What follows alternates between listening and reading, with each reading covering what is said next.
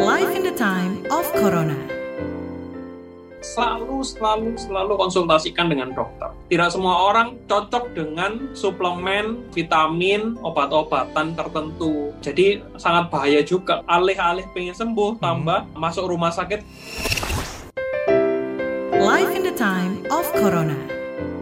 Hai hai hai hai, kembali lagi Anda mendengarkan podcast Live in the Time of Corona Podcast yang akan membantu kamu menavigasi hidup bersama menghadapi pandemi COVID-19 Bersama saya Indra Saputra yang akan menemani kamu. Di episode kali ini kita membahas tema serba-serbi isolasi mandiri. Ini kalau sama-sama kita tahu kan ya Kasus positif virus corona di tanah air melonjak tinggi nih sejak beberapa pekan terakhir. Satgas Penanganan COVID-19 menyebut mobilitas pemudik dan kedatangan tenaga kerja Indonesia dari negara lain ini turut menjadi faktor. Selain itu, sejumlah varian baru virus corona juga membuat kasus meningkat tinggi. Nah, lonjakan kasus COVID-19 ini membuat banyaknya rumah sakit serta tempat rujukan isolasi mandiri untuk pasien COVID ini menjadi penuh. Akhirnya, banyak pasien COVID yang harus melakukan isolasi mandiri di rumah. Namun, isolasi mandiri ini nggak bisa dilakukan secara sembarangan loh. Dan obat-obatnya pun tidak boleh asal-asalan. Lalu, bagaimana tips melakukan isolasi mandiri bagi pasien COVID-19? Nah, ini akan kita obrolin nih bersama narasumber kita yang sudah tergabung di episode kali ini. Ada Dr. Dexa Medika Hertanto SPPD, selaku dokter spesialis penyakit dalam dan edukator. Halo, Dr. Dexa, apa kabar? Eh, Baik-baik. Gimana kabar Mas? Alhamdulillah kabar baik juga. Salam sehat selalu ya, Dok ya. Sehat-sehat ya. Kita kali ini ngebahas tema serba-serbi isolasi mandiri. Nah, ini kalau menurut lapor COVID-19 berdasarkan hasil penelusuran di Twitter nih dari laporan warga dan juga dari berita online tercatat ada 265 kasus kematian di luar fasilitas kesehatan selama bulan Juni hingga Juli 2021. Ratusan pasien ini meninggal dalam kondisi isolasi di rumah sambil menunggu antrian di rumah sakit. Nah, ini sebenarnya apa aja nih dok syarat untuk melakukan isolasi mandiri? Ya, idealnya eh, yang pertama dulu itu adalah satu, COVID itu sebenarnya adalah penyakit yang bisa sebetulnya sembuh sendiri. Tapi pada beberapa orang itu sangat berbahaya, utamanya yang punya penyakit komorbid atau ternyata dia mempunyai penyakit yang sebelumnya dia tidak ketahui. Untuk syarat dapat dilakukan isolasi mandiri, yang pertama adalah dia orang yang terinfeksi COVID dengan gejala yang ringan, Mhm. yang pertama. Yang kedua adalah atau yang tanpa gejala atau Mhm. asimptomatik. Jadi dua itu sebetulnya syarat idealnya. Nah, akhir-akhir ini karena rumah sakit, kemudian fasilitas kesehatan pada penuh, Hmm. Ah, mau nggak mau yang gejala sedang akhirnya nggak kebagian karena yang di rumah sakit udah gejala berat banget. Nah gejala sedang ini idealnya memang harus dirawat di rumah sakit, tapi karena penuh penuh Hmm. di mana-mana ditolak, akhirnya mau nggak mau mereka melakukan isolasi mandiri di rumah. Nah kebanyakan kasusnya seperti itu Hmm. gejala sedang hingga berat bahkan ada yang meninggal di rumah juga banyak. Itu juga karena seharusnya mendapat perawatan di rumah sakit, namun karena keterbatasan tempat, kemudian penuhnya rumah sakit sehingga mau nggak mau mereka melakukan isolasi mandiri yang sebetulnya bukan penanganan yang seharusnya Mhm.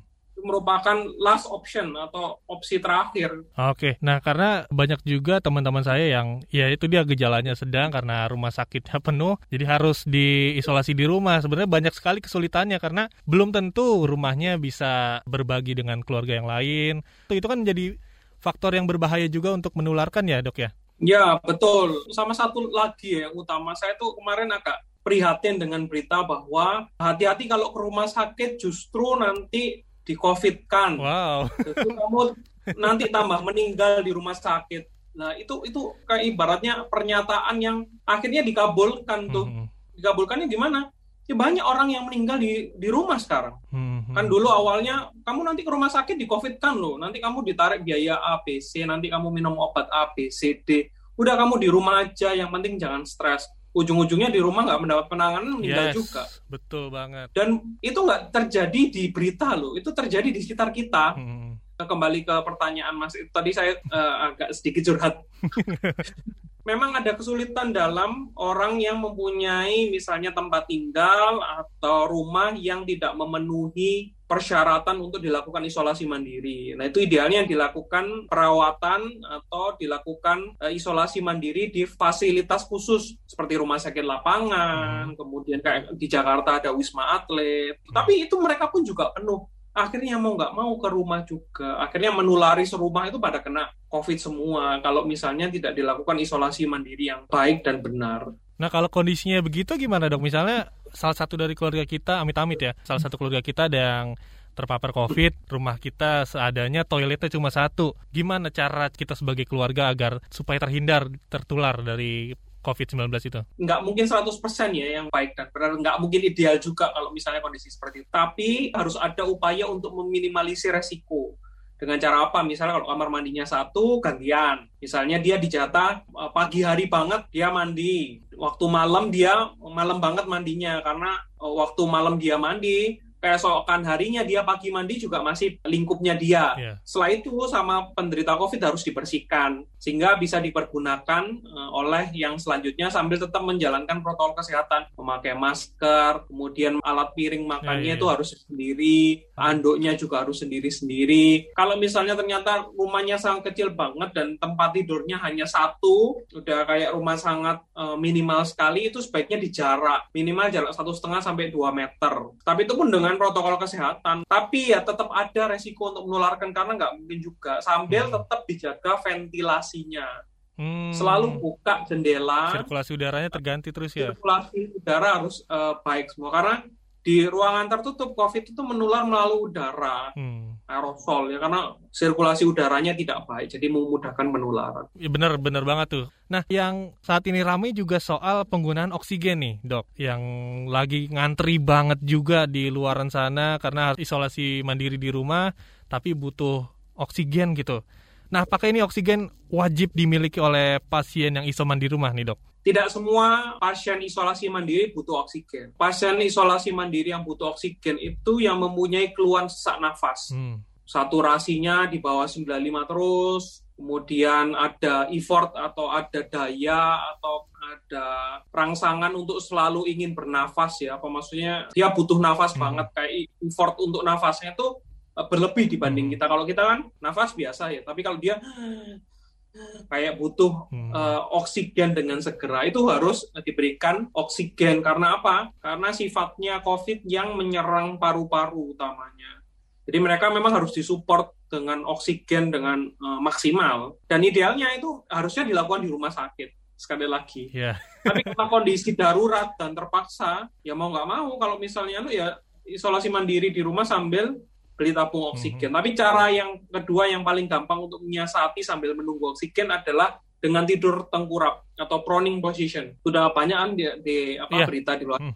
Hmm. Kalau saturasi di bawah 93, kemudian lakukan uh, tengkurap. Jadi itu membuat ekspansi paru-paru kita itu lebih besar kalau dibandingkan dengan tidur terlentang biasa. Kalau dengan tidur tengkurap itu ekspansinya lebih banyak sehingga lebih banyak menampung udara yang masuk. Nah, selain itu hal penting yang harus dilakukan saat isolasi mandiri di rumah adalah rutin mengecek kondisi tubuh. Ini gimana nih panduan untuk memonitor kondisi tubuh nih dok? Nah, itu ada di Instagram saya ya. Itu ada step-stepnya lengkap. Hmm. Tapi simpelnya adalah tanda vital itu kita mudah mengenali tanda-tanda distress atau tanda-tanda bahaya dari situ. Dengan cara apa? Mengukur beberapa tempat vital seperti apa? Satu, nadi. Nah, normalnya diukur di pergelangan tangan ya. Nah, normalnya itu 60 sampai 100. Di atas itu udah mulai tanda bahaya. Hmm. Berarti ada effort tubuh kita untuk entah dia itu untuk nafas, entah ada kebutuhan akan oksigen atau apa. Di bawah itu juga berbahaya. Atau adanya irama nadi yang tidak teratur itu bahaya. Itu harus baiknya dilakukan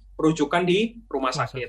Yang kedua adalah nafas, rate nafas nafas kita sedalam semenit itu normalnya 12 sampai 20 kali per menit. Dihitung dengan cara apa? Dipegang dinding dada sama perut. Kalau anu dilihat aja. Kita kalau nafas kan naik turun tuh udah ada Ya, semenit dihitung. Kalau misalnya lebih dari 20 berarti ada mulai ada tanda-tanda sesak nafas. Hati-hati juga. Terus yang berikutnya adalah tensi. Kalau di rumah ada alat tensi, Hmm. lakukan pengukuran tensi. Terlalu tinggi atau terlalu rendah juga tidak baik. Normalnya adalah di range 130, di bawah 130 untuk tekanan darah sistol, untuk diastolnya 80. Kemudian suhu, normalnya 36,5 sampai 37,5 Hmm. di atas itu berarti ada tanda-tanda demam. Yang bahaya adalah jika suhu di atas 40 derajat.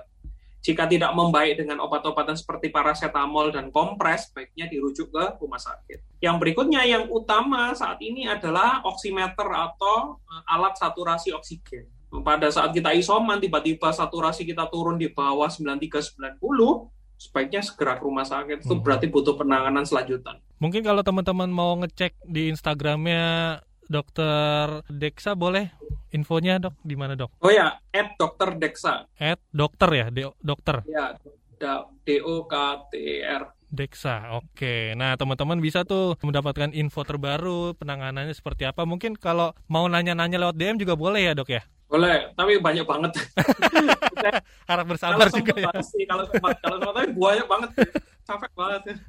Ya, sama nih halnya sama fenomena panic buying ya, yang beberapa Iya, waktu ini banyak yang bilang salah satu produk susu nih bisa menyembuhkan COVID. Ada juga air kelapa, ada juga obat ivermectin yang katanya bisa menyembuhkan COVID dengan cepat. Tapi sebenarnya obat dan vitamin apa aja sih dok yang sebenarnya dianjurkan untuk dikonsumsi pasien COVID-19 yang melakukan isolasi mandiri? Jadi pada dasarnya kalau misalnya eh, makanan kita sehari-hari yang bergizi, yang terdiri dari protein, karbohidrat, sayur, mayur, dan buah-buahan, kalau mau ditambah susu itu sebetulnya sudah mencukupi kebutuhan multivitamin yang ada. Hmm. Asal ketiga porsi makan pagi, siang, malam itu ada komposisi itu. Jika tidak ada, baru ditambah dengan vitamin. Bisa dengan vitamin B, vitamin C, atau vitamin D. Hati-hati vitamin C, biasanya kan dosisnya tinggi-tinggi banget tuh Ya, vitamin itu diserap tubuh itu hanya jumlahnya tuh sedikit banget. Jadi percuma kalau kita minum dosis tinggi-tinggi tapi sisanya dibuang tambah justru membebani ginjalnya. hmm. Jadi dosisnya kalau mau tanyakan ke dokter yang merawat. Dok, saya mau minum multivitamin karena makanan saya tidak cukup bergizi. Ada rekomendasi, nah itu nanti biar konsultasi lebih lanjut dengan dokternya. Nah, yang menarik yang tadi disebutkan adalah fenomena panik buying tadi ya. Sebenarnya susu apa pun sih boleh sih. Tapi kalau sudah cocoknya susu itu, susu yang lain nggak enak ya eh, terserah. Tapi nggak harus susu itu. Jadi jangan sampai overclaim bahwa susu tersebut dapat menyembuhkan Hmm. COVID. Nah bahayanya kan kayak gitu kayak kemarin itu akhirnya panik buying, nggak tahu apa nih yang dia beli ini apa bermanfaat nggak? Bermanfaat iya, tapi kalau misalnya ditujukan untuk menyembuhkan pasien COVID sebagai obat COVID, Hmm. tunggu dulu. Itu kan harus dilakukan penelitian lebih lanjut. Sama juga dengan eh, degan hijau. Kalau dibuat misalnya ngelak atau haus sih nggak masalah ya. Atau dibuat kalau misalnya habis diare, orang-orang zaman dulu nih habis diare itu konsumsi degan hijau. Atau Tujuannya untuk gatal-gatal gitu ya, alergi. Ya, kandungan degan hijau itu mirip dengan cairan tubuh kita. Jadi Oh. sangat bagus untuk mereplace cairan yang hilang. Biasanya Hmm. pada orang diare, kemudian mual muntah, itu banyak tuh. Jadi kalau eh, kita tiba-tiba di pantai tergeletak karena keringat berlebih, itu minum air kelapa, Hmm. itu enak itu sudah. Tapi jangan di-overclaimkan ke COVID kan butuh penelitian lebih lanjut. Heeh. Jangan overclaim sehingga akan menimbulkan panik buying tadi. Harganya juga melonjak loh dok. Biasanya sepuluh ribu sekarang enam puluh ribu. Nah, kan parah banget kan. Iya. Nah, padahal hati-hati juga ada beberapa orang yang justru kalau minum apa degan hijau itu justru tambah mengancam jiwa ya. Hmm. Jadi orang-orang dengan penyakit ginjal utamanya yang stadium lanjut itu kalau diminumin degan hijau itu bisa jantungnya tiba-tiba berhenti atau Waduh. gangguan irama jantung bahaya banget Hmm. makanya tidak semua orang jadi selalu selalu selalu konsultasikan dengan dokter tidak semua orang eh, cocok dengan suplemen, vitamin, obat-obatan tertentu. Jadi sangat bahaya juga kalau itu disebar ternyata orang tersebut punya penyakit ginjal, alih-alih pengen sembuh, Hmm. tambah masuk rumah sakit karena kaliumnya tinggi di dalam darah karena ada penyakit ginjal. Pokoknya apa pun yang mungkin akan dikonsumsi ya kalau bisa dikonsultasikan ke dokter lah ya dok ya. Cari aman karena tubuh manusia kan berbeda-beda ya kondisinya. Satu obat itu belum tentu cocok dengan penderita lain. Nah yang harus dikonsultasikan juga adalah soal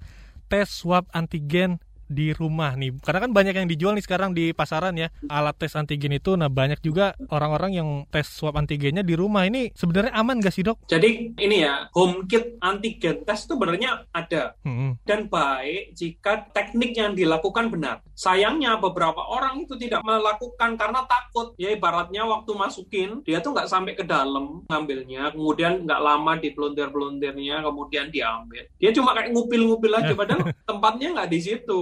Tempatnya itu di nasofaring bagian belakang bagian belakang dari hidung. Tapi kalau misalnya cuma utek-utek di sini, nggak sampai ke belakang, nggak keambil tuh virus, akhirnya menimbulkan false negatif Hmm. harusnya dia ini positif, tapi karena dia cara pengambilannya salah, akhirnya Hmm. false negatif dan itu pun eh, teknik pengambilannya harus benar-benar dilakukan sesuai prosedur kan ada tuh biasanya. Nah, biasanya kalau orang takut atau tidak berhati-hati tambah justru akan melukai Ah. bagian eh, hidungnya dia karena di sini tuh ada namanya pembuluh darah yang mudah terjadi eh, perdarahan kalau eh, ngambilnya terlalu atas banget padahal kalau anu itu harusnya ke bagian belakang sini jadi harus well knowledge atau benar-benar dibekali dengan pengetahuan yang Yes. cukup jadi kalau ngambil Jadi sebenarnya tahu ya daerah mana yang harusnya di, diambil dan Betul. sampai mana. Jangan asal colok gitu aja takutnya iritasi malah luka pendarahan kan malah bahaya lagi ya dok ya. Nah terakhir nih dok, mungkin boleh dikasih tahu ke teman-teman yang mendengarkan podcast kita nih, do and don'ts-nya saat melakukan isolasi mandiri di rumah sekalian pesan kepada teman-teman semua nih. jika isolasi mandiri sebaiknya tanyakan terlebih dahulu ke dokter Hmm, kan sekarang nggak harus ke rumah sakit bisa telemedicine yes. tanyakan dulu saya ini eligible untuk isolasi mandiri atau tidak? Saya ini layak untuk isolasi mandiri di rumah atau tidak? Jika tidak layak saya harus ke mana? Itu tanyakan dulu. Atau jika saya harus ke rumah sakit eh, ternyata rumah sakitnya penuh konsultasikan ke dokternya juga. Dok saya cari rumah sakit beberapa nggak ada. Saya terpaksa melakukan isolasi mandiri. Apa yang harus saya lakukan? Itu dulu. Hmm.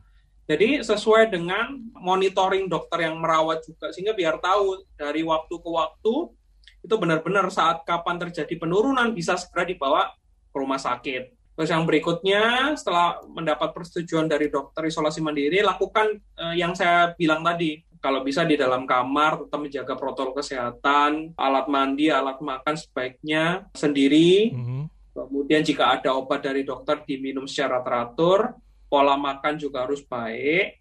Kemudian istirahat yang cukup minimal 8 jam sama latihan nafas. Jadi kayak yoga itu ya, deep breathing uh, exercise. Jadi latihan nafas dalam. Itu ada tuh di YouTube juga ada gimana caranya melakukan. Tinggal searching aja nanti dilakukan aja dengan kondisi bahwa dia ini tidak yang sesak banget.